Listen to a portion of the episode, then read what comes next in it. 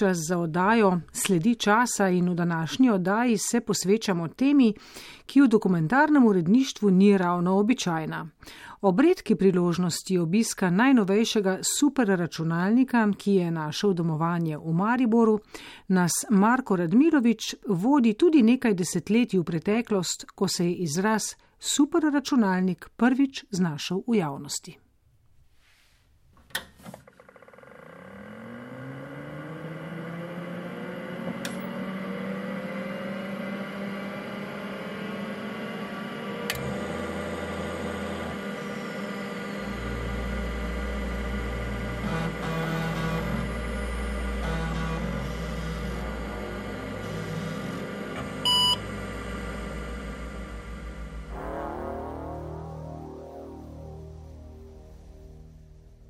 Na pročelju stavbe nas pozdravi plakat, ki sporoča, da notri domuje Vega.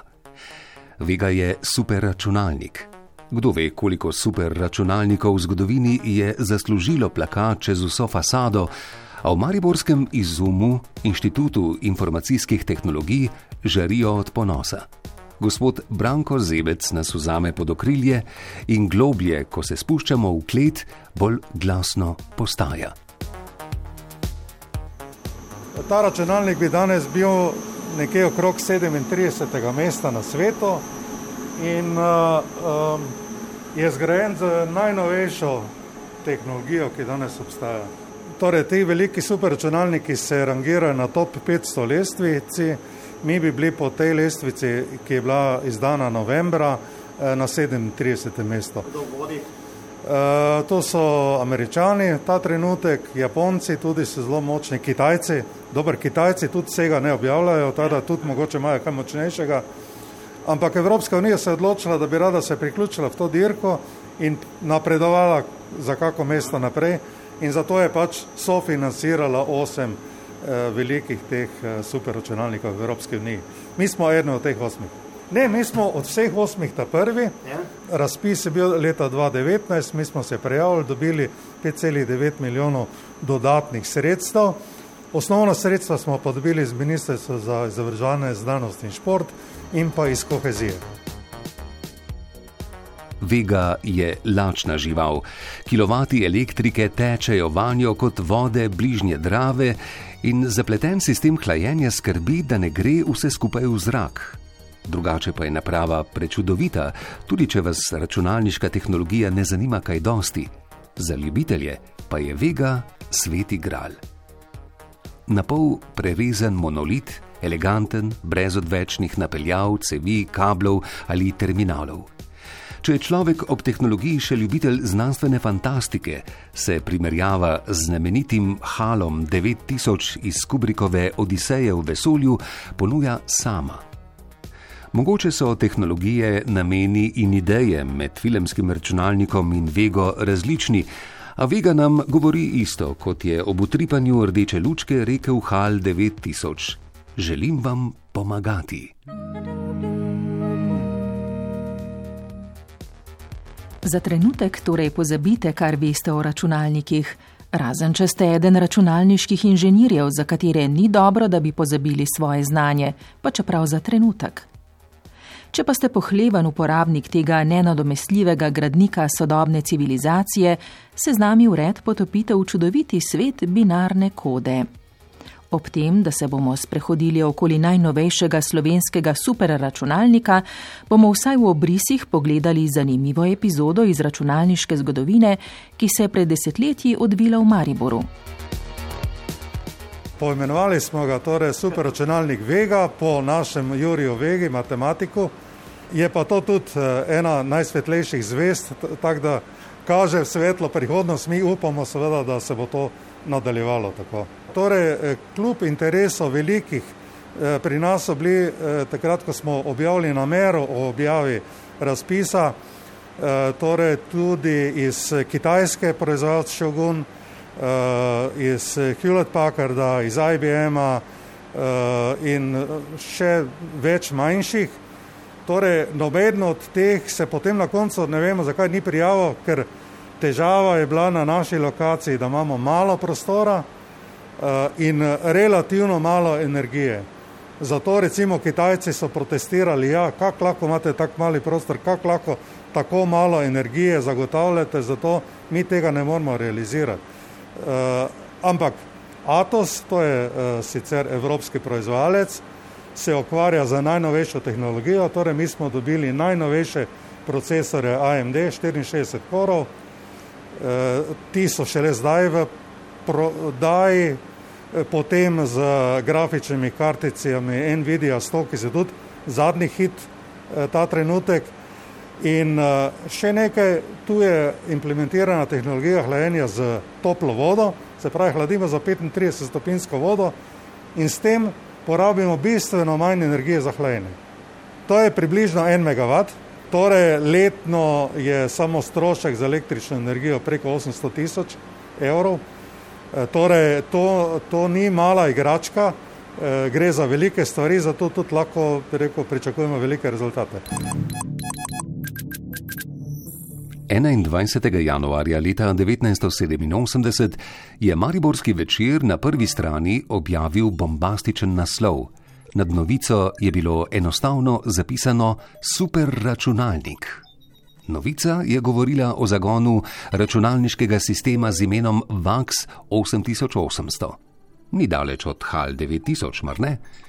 Novica je govorila tudi o tem, kako je naprava, ki so jo uvozili pred mesecem za časa Božiča, predana namenu in kako je pomembna ne le za mesto, temveč za vso socialistično republiko. Na črno-beli fotografiji vidimo majhen terminal, tipkovnico in v ozadju ogromne vaksove omare. Za terminalom sedi mlad fant z očali in bujno pričesko. Do tega fanta se moramo danes povzpeti pet nadstropi, ki ločijo klet Mariborskega izuma od prostorov, kjer ima pisarno Davor Šoštarič. On je mlad strokovnjak na sliki in tudi v računalniškem miljeju obstaja prostor za nekaj tako analognega, kot je nostalgija.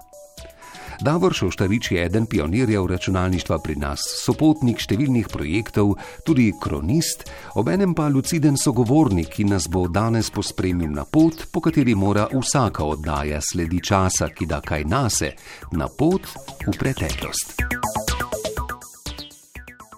Tista beseda superračunalniška se je lahko popolnoma deplasirana. Ne? Res je, da je VAX 88 bil en enormno zmogljiv stroj v primerjavi z drugimi računalniki takrat v takšnih okoljih. To je vse res. Ampak to je še vedno nadaljevala, nadaljevala je bila ta linija razvoja procesorske moči in kako se pač problemi obdelujejo, kako se jih latuje. Računska moč je bila strahovito velika glede na takrat. Ne. Danes je to že eh, drobižek za vrtec, pa še to ne več. Ne. Ampak ideja superračunalništva, ki je tudi takrat nekje v svetu že nastajala, ne, ne na zadnje bil ten legendarni Krej, ne, eh, tisti, ki je izrekel besedo, ali boš imel za oranje dva močna vola ali pa 1024 piščančkov, kaj je boljše. Ne.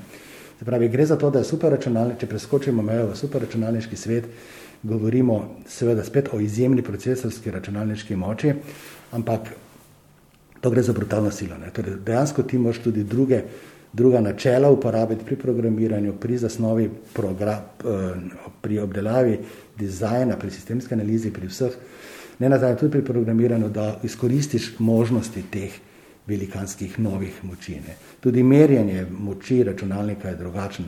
Pri klasičnem računalniku se pogovarjamo o gigahercih, pa, pa ciklih, pa ne vem, milijonih računskih operacij. Ne. Pri superračunalniku govorimo o zelo konkretnih Eh, logičnih operacijah ali pa operacij s plavajočo vejico, kakorkoli že temu rečemo strokovno. To, to, sta, to so jabolke pa hruške.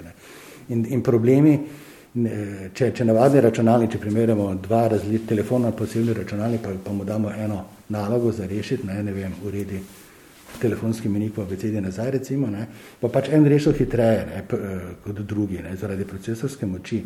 Eh, programu pa napisano verjetno isto. Ne. Super, če boste super računalniku dali to enako nalogo, bo sicer hitrejši, zato ker, ker ima več procesorske moči, ne bo pa nobenega bistvenega preboja. Ne. Ker do super računalniku ne boš dal sortirati telefonski menik, vrst, ne. da boš neke težje naloge, ki bodo delali mogoče tudi nekaj dni skupaj, zaporedne, zato ker so to strahovita ponavljajoča se dejanja, ki morda brez tega sploh ne bi bila nikoli rešljiva. Ne. Kot mnoge napačne predpostavke, ki jih ali zaradi neznanja ali zaradi sprijenih motivov gojimo o naši preteklosti v socialistični Jugoslaviji, je tudi teza, da je bila brezupno zaostala, plansko-industrijska in večinsko podeželska država brez znanosti in napredka, vsaj delno napačna. Če se je razvoj neke družbe lahko meril z njenimi dosežki na področju elektronskih računalnikov, je bila Jugoslavija v vrhu. Leta 1956 je bila Jugoslavija uradno uvrščena v klub le petih držav na svetu, ki so imele lastno proizvodnjo elektronskih možganov, kot so tedaj v pomankanju računalniške terminologije imenovali zgodnja računala, ki so seveda temeljila še na tehnologiji elektronk. Prvi takšen računalnik se je imenoval CER 10 spet ne tako daleč od Hala 9000, in je ime dobil po gorskem masivu Cer v Srbiji, v podnožju katerega je bil rojen glavni inženir računalnika dr. Tihomir Aleksič. Ob tem pa so v skladu s tedanjo modo kratici dali še drug, ustreznejši pomen, znotraj katerega CER pomeni cifarski elektronski računar. Enega so naredili za vlado, drugega bi morali za jedrsko raziskovalno postajo v Vinči, a je zmanjkalo denarja. CER je na to postal serija računalnikov, ki jih je izdelovala armada inženirjev in v različnih serijah z različnimi nameni so se obdržali do razpada Jugoslavije. Zgodovina uči, da je zadnji CER deloval v neki banki v Zrenjaninu, ko so ga konec 80-ih tudi tam zamenjali z Vaksom, o teh pa bo še tekla beseda. Mislim, da je tako kot pravite, v začetku 70-ih so resni računalniki v skoraj izključno poslovnem svetu v Sloveniji že bili prisotni. Jaz se spomnim kot srednješolc, je bila v Ljubljani ena velikanska razstava mednarodnega združenja IFIP in takrat smo lahko celo malo te svete škatle poblizu videli, tudi otipali kakšno reč. In jaz izhajam iz časa, ko smo imeli še srednje šolce neke sorte obvezno prakso. In takrat sem imel priložnost biti na takšni praksi v enem velikanskem računalniškem centru, luknjene kartice, pa te stvari, tako naprej, da smo to lahko spoznali kar na blizu. Vsekakor v drugi polovici 70-ih let pa je na takratni visoki ali višji tehnički šoli v Mariboru, ne, torej zamet kot današnji tehničkih fakultet, že obstajal en dokaj spodoben računalnik, eh, IBM 1130, ki je bil namenjen ne zgolj učenju študentov, ampak izračunom kar resne narave in v gradbeništvu in v ne vem, če nekaterih drugih, torej tehnično usmerjenih zadevah, ne zgolj ekonomije oziroma poslovni svet. Ne. Podobne male računalnike so potem kmalo dobile še nekatere druge fakultete na Variborski univerzi. V 70-ih je postala najbolj zaželena kratica AOP, avtomatska obdelava podatkov. Računski centri so rasli kot gobe podežil, evidence so končno dobile rep in glavo. Na Pijadejevi, današnji kolodvorski ulici v Ljubljani, je v 70-ih zrasel center za avtomatsko obdelavo podatkov skupnosti invalidskega in pokojninskega zavarovanja. Vsako koliko toliko pomembno slovensko podjetje je imelo svoj center poslovne informatike ali pa so bili povezani z Republiškim računskim centrom. Tako ni pretirano trditi, da so računalniki na veliko vplivali na naše življenje že v času, ko sta se Bill Gates in Steve Jobs še igrala z avtomobilčki v peskovniku. Ja, vse fabrike so imele to zdaj takrat, ne kjer je bila ključna beseda elektronska obdelava podatkov ali avtomatična obdelava podatkov ali nekaj takega. In res, resnično uh, strinjam se z vami, ta svet uh, informatike oziroma računalništva je prišel v gospodarstvo in industrijo predvsem zaradi poslovnih potreb. Ne. Čista administracija poslovnih procesov je pač zahtevala ene ponavljajoče se rutinske eh, zadeve, opravila, ki jih je računalnik bil zelo, zelo ustrezno jih je reševal. To, to je tudi sopadalo z ekspanzijo enih pač zunajnih korporacij računalniških, ki so si našle ustrezno zatočišče na naših tleh in zato niskano, da so se dejansko vse velike tovarne, industrijski obrati, podjetja velika, eh, za svoje komercialne potrebe to uporabljali. Zdaj za tehnične ali pa raziskovalne procese bistveno, bistveno manj. Ampak v Mariboru smo imeli takrat nekaj industrijskih gigantov, ne, sem nam znani tam, recimo, pa še kaj drugega tudi, so imeli te takšne obrate, te centre za elektronsko ali avtomatsko obdelavo podatkov, tudi nekatere izredno, iz, izključno komercialno trgovsko orientirane hiše, recimo Ljubljanska metalka je bila znana po teh, so imeli strahovito velike eh, računalniške sisteme. To je bila poslovna informatika, poslovnemu svetu namenjena obdelava podatkov in to, pač, to so bruhali, bruhali te papirji in vnosi podatkov za te namene. Ne. Bolj ali torej nobenega, bom rekel, tega, kar danes mi vidimo v enem prebojnem smislu, čista, čista poslovna informatika. To se je začelo. Ena največjih očaranosti, ki jo slehrnikom zbujajo računalniki, je njihov strahovit razvoj. Znotraj civilizacije, kjer so se ideje v zadnjih 2000 letih komaj kaj razvile, sledimo tehnologiji, ki se multiplicira kot kakšen ambiciozen enoceličar. Računalniki, ki so spravili človeka na Luno, so imeli podobno procesorsko moč, kot jo ima danes vaš kavni mlinček ali še drugače. Vaš pametni telefon bi lahko s svojo procesorsko močjo vodil 120 milijonov lunarnih pristankov Apollo 11, vse v istem času. In v Vegi, superračunalniku nameščenem v kleti Mariborskega izuma, se skriva na milijone vaših telefonov. Nekaj tako velikega, seveda, ni daleč naokoli. In to, da imaš tisoč računalnikov, ki so med sabo povezani z najhitrejšimi komunikacijami in v ozadju eh, 25 petabajtov spominskih kapacitet, eh, kjer vidiš, da bi lahko neke simulacije, ki mogoče na enem domačem računalniku trajajo en mesec, tu eh, se rezultati prikažejo v par minutah, seveda je to čist druga dimenzija. In seveda tudi velikost samih poslov je lahko zelo, zelo velika. In uh, ti znanstveniki, sploh Štefana, ki so, bi rekel, vrhunski in delajo nekateri tudi v CERN-u in ostalih inštitucijah, so, bi rekel, uh, vzhičeni in navdušeni, da bodo lahko do rezultatov prišli v silno kratkem času. Teh superračunalnikov je več, ta je največji. Uh, iz tega programa, uh, projekta HPC Rivers, so bili financirali trije, se pravi tale naš Vega, potem majster na Univerzi v Mariboru in Trdina na Fišu.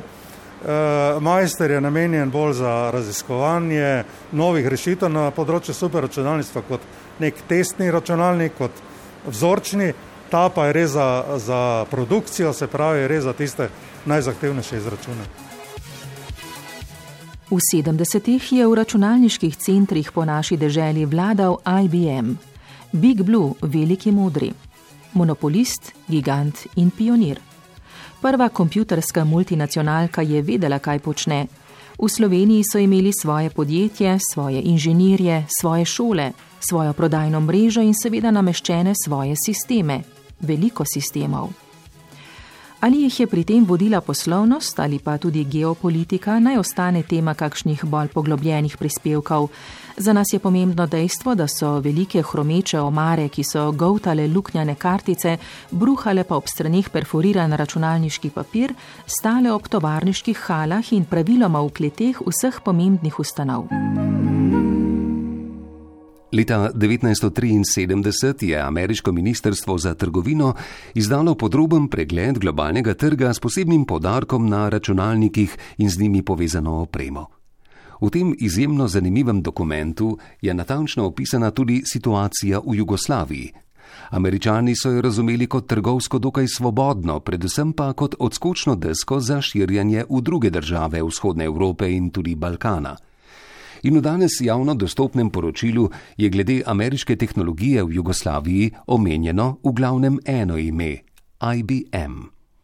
Američani so rast jugoslovanskega računalniškega trga od leta 1965 do leta 1972 opisovali kot dramatično. Od 19 instalacij ameriških sistemov v začetku obdobja so v sedmih letih prišli do 1050 dobavljenih računalnikov vseh velikosti in namenov. Torej, mednarodne korporacije seveda razmišljajo stvari iz svojih zornih pogledov, pa predvsem na drugačne časovne dimenzije. In ja, Maribor je bil močno IBM-ovsko središče takrat, pač to je bilo dejstvo, ne da bi zdaj govoril o neki teoriji zarote ali karkoli, ampak to se pač zgodilo in dogajalo. Je pa res, da tudi Maribor bil zelo hitro uh, zapustil IBM ne, v teh velikih poslovnih centrih. Ne. In tu je bila, to je pa nekako se upadalo v začetku 80-ih, ko se je tudi na Mariborski univerzi začelo razmišljanje o združevanju nekih računalniških kapacitet, tudi kadrovsko nastavil računalniški center Univerze v Mariboru, nekaj let za Ljubljanskim. Ta je, priš, ta je nastajal v času, ko so se lomila kopija glede nekih, v svetovnem merilu glede nekih novih konceptov velikih računalniških sistemov, torej mastodontov. Zajadral je na področje, ki ga je obladovalo tržno ameriška korporacija Digital Equipment Corporation, DEC, famozni znani, podobno kot tudi na Ljubljanski univerzi, se mi smo bili partnerji, tudi da se razumemo. Ne? In uh, potem je prišlo tudi torej, do načrta o enotnih računalniških ali vse podobnih računalniških sistemih, tako imenovani VAKSI takrat. In to je bilo seme, ki je v bistvu nosilo Mariborsko univerzo, ne vem, 30, morda 40 let naprej še vse čas. Ne. To se upada z enimi drugimi dogodki v pogledu na računalništvo, ne. od velikih uh, mašin, ki so delale čez noč, obruhale papirje, da se je to tudi spremenilo v torej, interaktivni svet. Prišlo, začeli smo govoriti o omreženju, o mrežah, oziroma ta reče mrežah, kasneje o omrežjih računalnikov. Ni bilo interneta še blizu, ne, ampak ene ideje okrog sistema, kako se na računalniki med sabo pogovarjajo, so pa že bili. Ne. In tudi potem, ko je prišel internet, smo to prebrodili, pravzaprav igraje ta prihod brez večjih težav vsi drugi sistemi tega niso bili sposobni, ne? mi smo pač imeli. Ampak to, bil, to ni bila neka izjemno premetena, pametna odločitev, strateško ocenjena, ki je pa to je bil predvsem slučajno.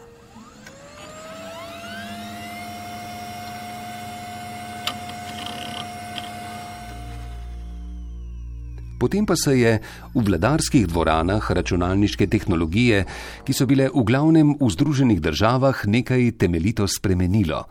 Pojavil se je še en pomemben igralec. Podjetje se je v originalu imenovalo Digital Equipment Corporation, bolj znano pa je postalo pod skoraj legendarno kratico DEC. Leta 1977 so predstavili svoj stroj, temelječ na 32-bitni tehnologiji, katerega spet kratica je prav tako postala legendarna VAX manjši, lažji, cenejši, manj pogotni, s povsem svojim operacijskim sistemom, so vaksi prodrli v IBM-ov svet. V času, ko osebnega računalnika še ni bilo, govorimo predvsem o strojih za poslovne in znanstvene namene. V glavnem gre za ogromne strižnike ali nekaj, kar so tedaj imenovali mini računalniki se pravi za srednji razred naprav, ki so bile manjše od osrednjih računalnikov, ki so jih uporabljale vladne in vojaške službe, vseeno pa bolj zmogljivi od mikroračunalnikov, ki so bili predhodnica današnjim osebnim računalnikom. Vaksi so, čeprav gre za pavšalno oceno, pomenili tudi upor mladih generacij računalničarjev proti okostenelemu monopolistu in ni minilo dolgo, ko so se prvi vaksi pojavili tudi v naših računalniških centrih.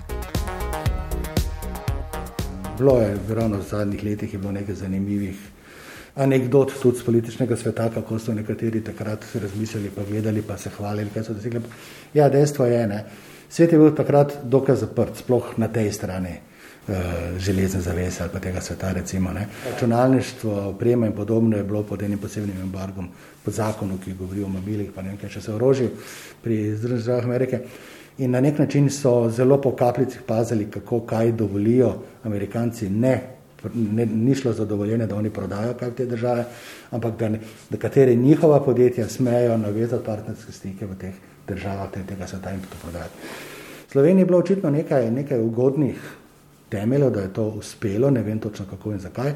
Ampak Slovenija je imela takrat pravzaprav dvoje, vsaj dve računalniški podjetji. Ne v resnici imela še več z drugimi partnerji. Ampak tele, danes se spominjamo teh dveh predvsem. Ne. Torej, ena je bila linija, ki je zagovarjala Iskra, druga je linija, ki je zagovarjala Delta takratna.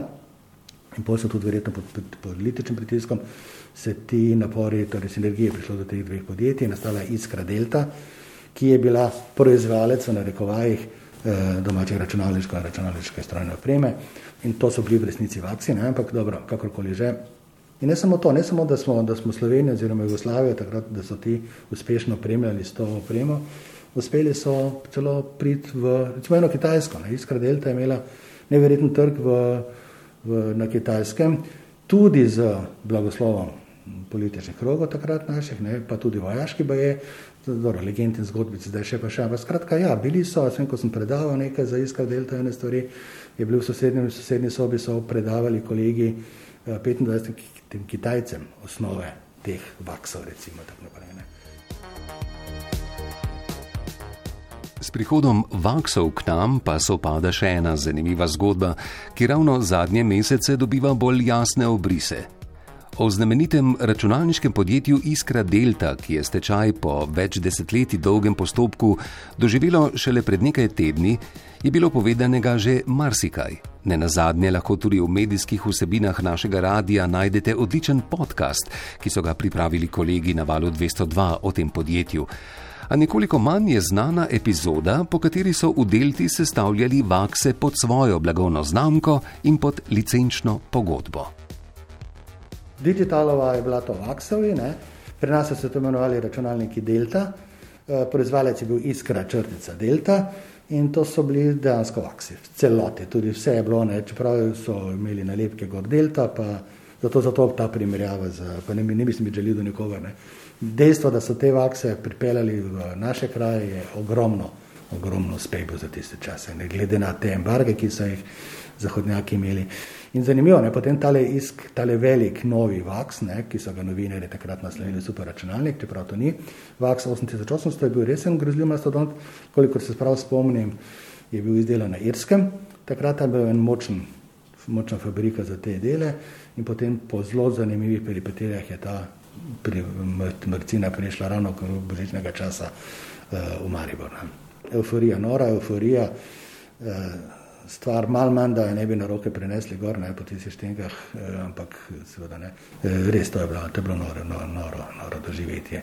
Občutek, zdaj pa smo nekaj res dobili, eno mašinco, ki bo delala ne za nas računalnike, če mi smo si že lahko, mi smo lahko gostovali tudi na katerih računalnikih po Evropi, v bistvu, ampak zato, da bodo zdaj lahko res, lahko, torej mi na univerzi predvsem smo gledali za raziskovalce, da bodo lahko iz vseh področji, pa ne tistih klasičnih, tehničnih, ne, ne tudi družboslovje so zelo zelo hitro planili zraven, uporabljali so te težke izračune, ko je po nekaj dni trajalo na vaksa 88.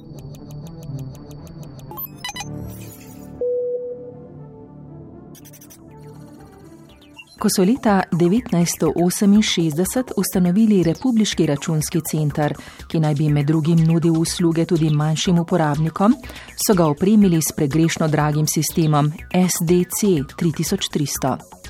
Prva leta sistem ni bil v celoti izkoriščen, ko pa je njegove možnosti začela uporabljati tudi raziskovalna sfera, je hitro postal premajhen.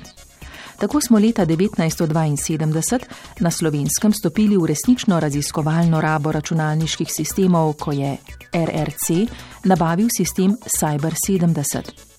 Ta sistem pomeni začetek konca razumevanja računalnikov kot le strojev za poslovno obdelavo podatkov, saj jih je dokončno premaknil v naročje znanosti. A žal smo bili prepozni. Kljub mnogim strategijam, ki so se ukvarjale z računalniškim opismenjevanjem, država sistemske digitalizacije ni bila več sposobna uvesti.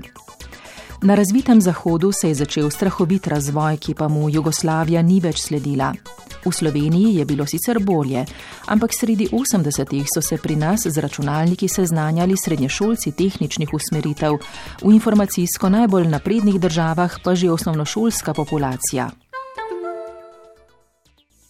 Ko je prišel sistem VAX 8800 na Mariborsko univerzo in ga je novinar večera pričakal z navdušenim usklikom Super računalnik, smo bili nezavedajoč se na dnu brezna. Tik pred osamosvojitvijo so veljale vse mogoče uvozne omejitve, podjetja pa niso več sledila informacijskemu razvoju. Ta računalniško-informacijska blokada je pozneje vsaj delno pripomogla k propadu velikega dela industrijske proizvodnje pri nas.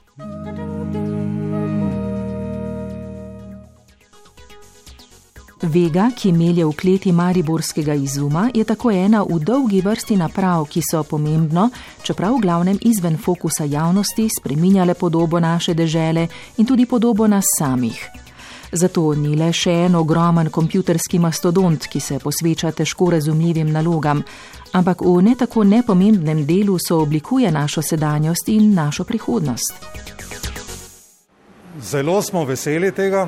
E, moram reči, da je tudi ta znanstvena sfera bila zelo vesela, da je dobila končno neko uh, orodje, s katerim lahko raziskuje. Uh, tudi, bi rekel, ta projekt HPC River je spodbudil eno sodelovanje med uh, inštitucijami Slovenije.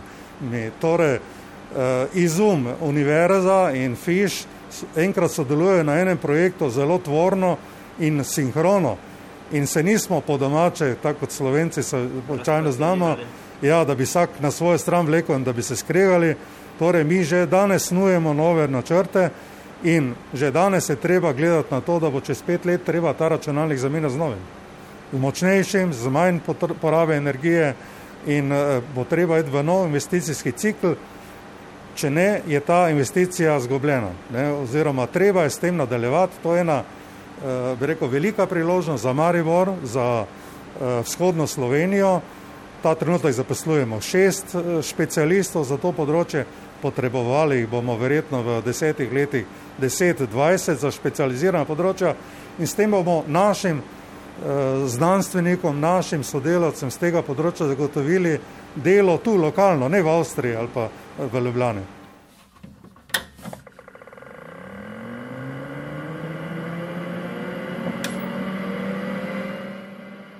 Kar je za dokumentarista zanimivo, je popolno umankanje znanstvenega pristopa k zgodovini računalništva in informatike v našem prostoru. Publicističnih, novinarskih in dokumentarnih pregledov je kar nekaj, predvsej je tudi partikularnih pregledov posameznih obdobij ali fenomenov. Mogoče pa je le napočil čas, da se računalništvu oddolži tudi zgodovinska znanost.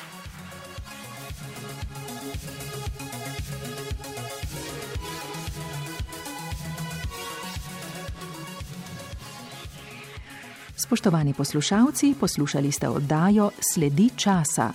Radiofonsko jo je oblikoval Gašper Loborec, brala sva Igor Velše in Barbara Zupan, pripravil pa Marko Radmilovič.